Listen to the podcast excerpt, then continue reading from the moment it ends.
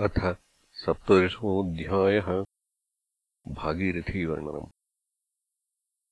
श्रीशुक उवाच, तत्र भगवतः साक्षाद्यज्ञलिङ्गस्य विष्णोर्विक्रमतो वामपादाङ्गुष्ठनखनिर्भिन्नोद्भाण्डकटाः विवरेणान्तः प्रविष्टा या बाह्यजलधारा तच्चरणपङ्कजावने जनारुणकिञ्जल्कोपरञ्जिता अखिल जगदघमलापहोपस्पर्शनामला साक्षाद्भगवत्पदीति अनुपलक्षितवचो अभिधीयमानातिमहताकालेन युगसहस्रोपलक्षणेन दिवो मूर्धनि अवततार यत्तद्विष्णुपदम् आहुः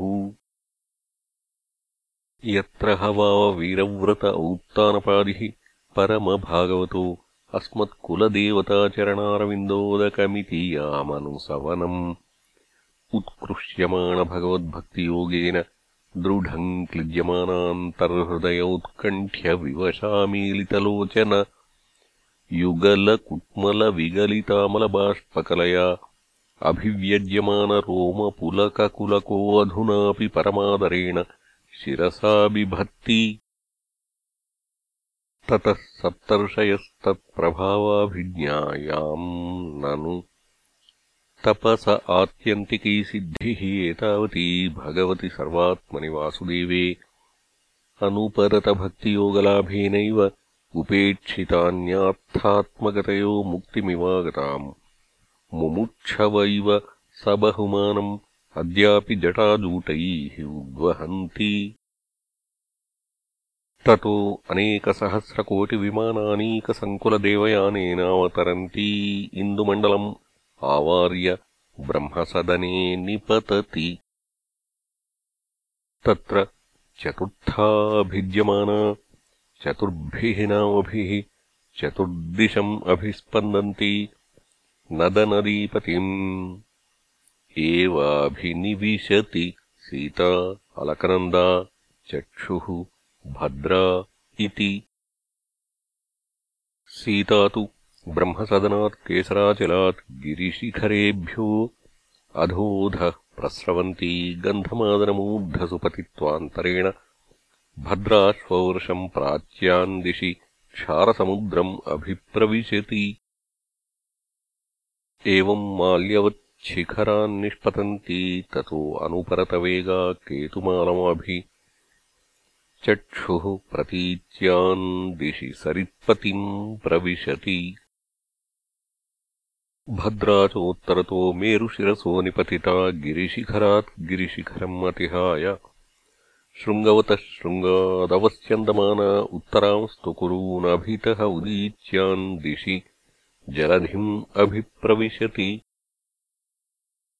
तथैवालकनन्दा दक्षिणेन ब्रह्मसदनात् बहूनि गिरिकूटान्यतिक्रम्य हेमकूटाद्धैमकूटान्यतिरभसतररंहसा लुठयन्ती भारतमभिवर्षन् दक्षिणस्याम् दिशि जलधिम् अभिप्रविशति यस्याम् स्नानार्थम् चागच्छतः पुंसः पदे पदे अश्वमेधराजसूयादीनाम् फलम् न दुर्लभम् इति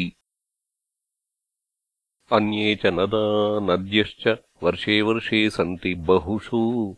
मेर्वादिगिरिदुहितरः शतशः। तत्रापि भारतमेव वर्षम् कर्मक्षेत्रम्। अन्यान्यष्टवर्षाणि स्वर्गिणाम् पुण्यशेषोपभोगस्थानानि। भौमानि स्वर्गपदानि व्यपदिशन्ति एषु पुरुषाणाम् अयुतपुरुषायुर्वर्षाणाम् देवकल्पानाम् नागायुतप्राणानाम् वज्रसंहननबलवयोमोदप्रमुदितमहासौरतमिथुन व्यवायापवर्गवर्षधृतैकगर्भकळत्राणाम् तत्र तु त्रेतायुगसमः कालो वर्तते।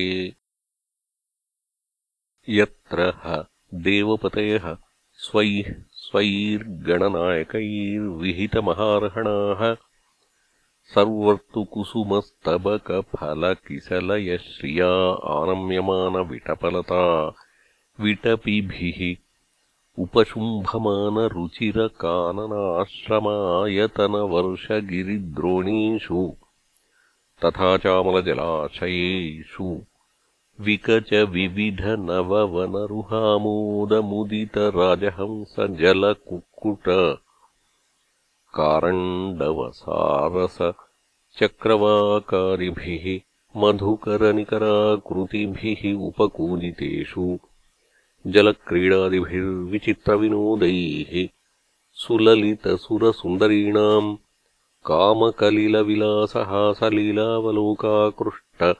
कामकलिलविलासहासलीलावलोकाकृष्टमनोदृष्टयः स्वैरम् विहरन्ति। नवस्वपि वर्षेषु भगवान्नारायणो महापुरुषः पुरुषाणाम् तदनुग्रहाय आत्मतत्त्वव्यूहेनात्मनाद्यापि सन्निधीयते। इलावृते तु भगवान् भव एक एव पुमान्। न ह्यन्यस्तत्रापरो निर्विशति भवान्याः शापनिमित्तज्ञो यत्प्रवेक्ष्यतः स्त्रीभावः। तत्पश्चाद्वक्ष्यामि भवानीनाथैः स्त्रीगणार्बुदसहस्रैरवरुध्यमानो भगवतश्चतुर्मूर्तेर्महापुरुषस्य तुरीयाम् तामसीम् मूर्तिम् प्रकृतिमात्मनः सङ्कर्षणसञ्ज्ञामात्मसमाधिरूपेण सन्निधाप्यै तदभिगृणन् भव उपधावति। श्रीभगवानुवाच। ओम् नमो भगवते महापुरुषाय। सर्वगुणसङ्ख्यानायानन्तायाव्यक्ताय नम इति। भजे भजन्यारणपादपङ्कजम् भगस्य कृत्स्नस्य परम्परायणम् भक्तेष्वलम् भावितभूतभावनम् भवापहन् त्वाम् भवभावमीश्वरम्। न यस्य मायागुणचित्तवृत्तिभिः निरीक्षतो ह्यण्वपि दृष्टिरज्यते। ईशे यथा नोजितमन्युरंहसाम् कस्तम् न मन्येत जिगीषुरात्मनः असदृशो यः प्रतिभाति मायया। क्षीबेव मध्वासवताम्रलोचनः। न नागवध्वोर्हण ईशिरे ह्रिया। यत्पादयोः स्पर्शनधर्षितेन्द्रियाः। यमाहुरस्य स्थितिजन्मसंयमम् त्रिभिर्विहीनम् यमनन्तमृषयः। न वेदसिद्धार्थमिव क्वचित् स्थितम् भूमण्डलम् मूर्धसहस्रधामसु। यस्याद्य आसीद्गुणविग्रहो महान् विज्ञानधिष्ण्यो भगवानजः किल?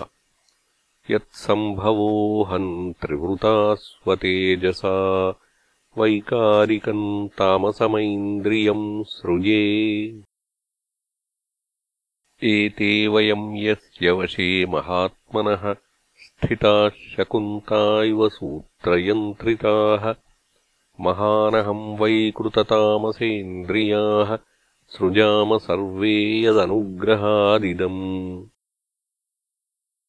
यन्निर्मिताम् कर्ह्यपि कर्मपर्वणीम् मायाञ्जनोऽयम् गुणसर्गमोहितः।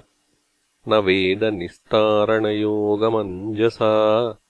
तस्मै नमस्ते विलयोदयात्मने। इति श्रीमद्भागवते महापुराणे पारमहंस्याम् संहितायाम् पञ्चमस्कन्धे सप्तदशोऽध्यायः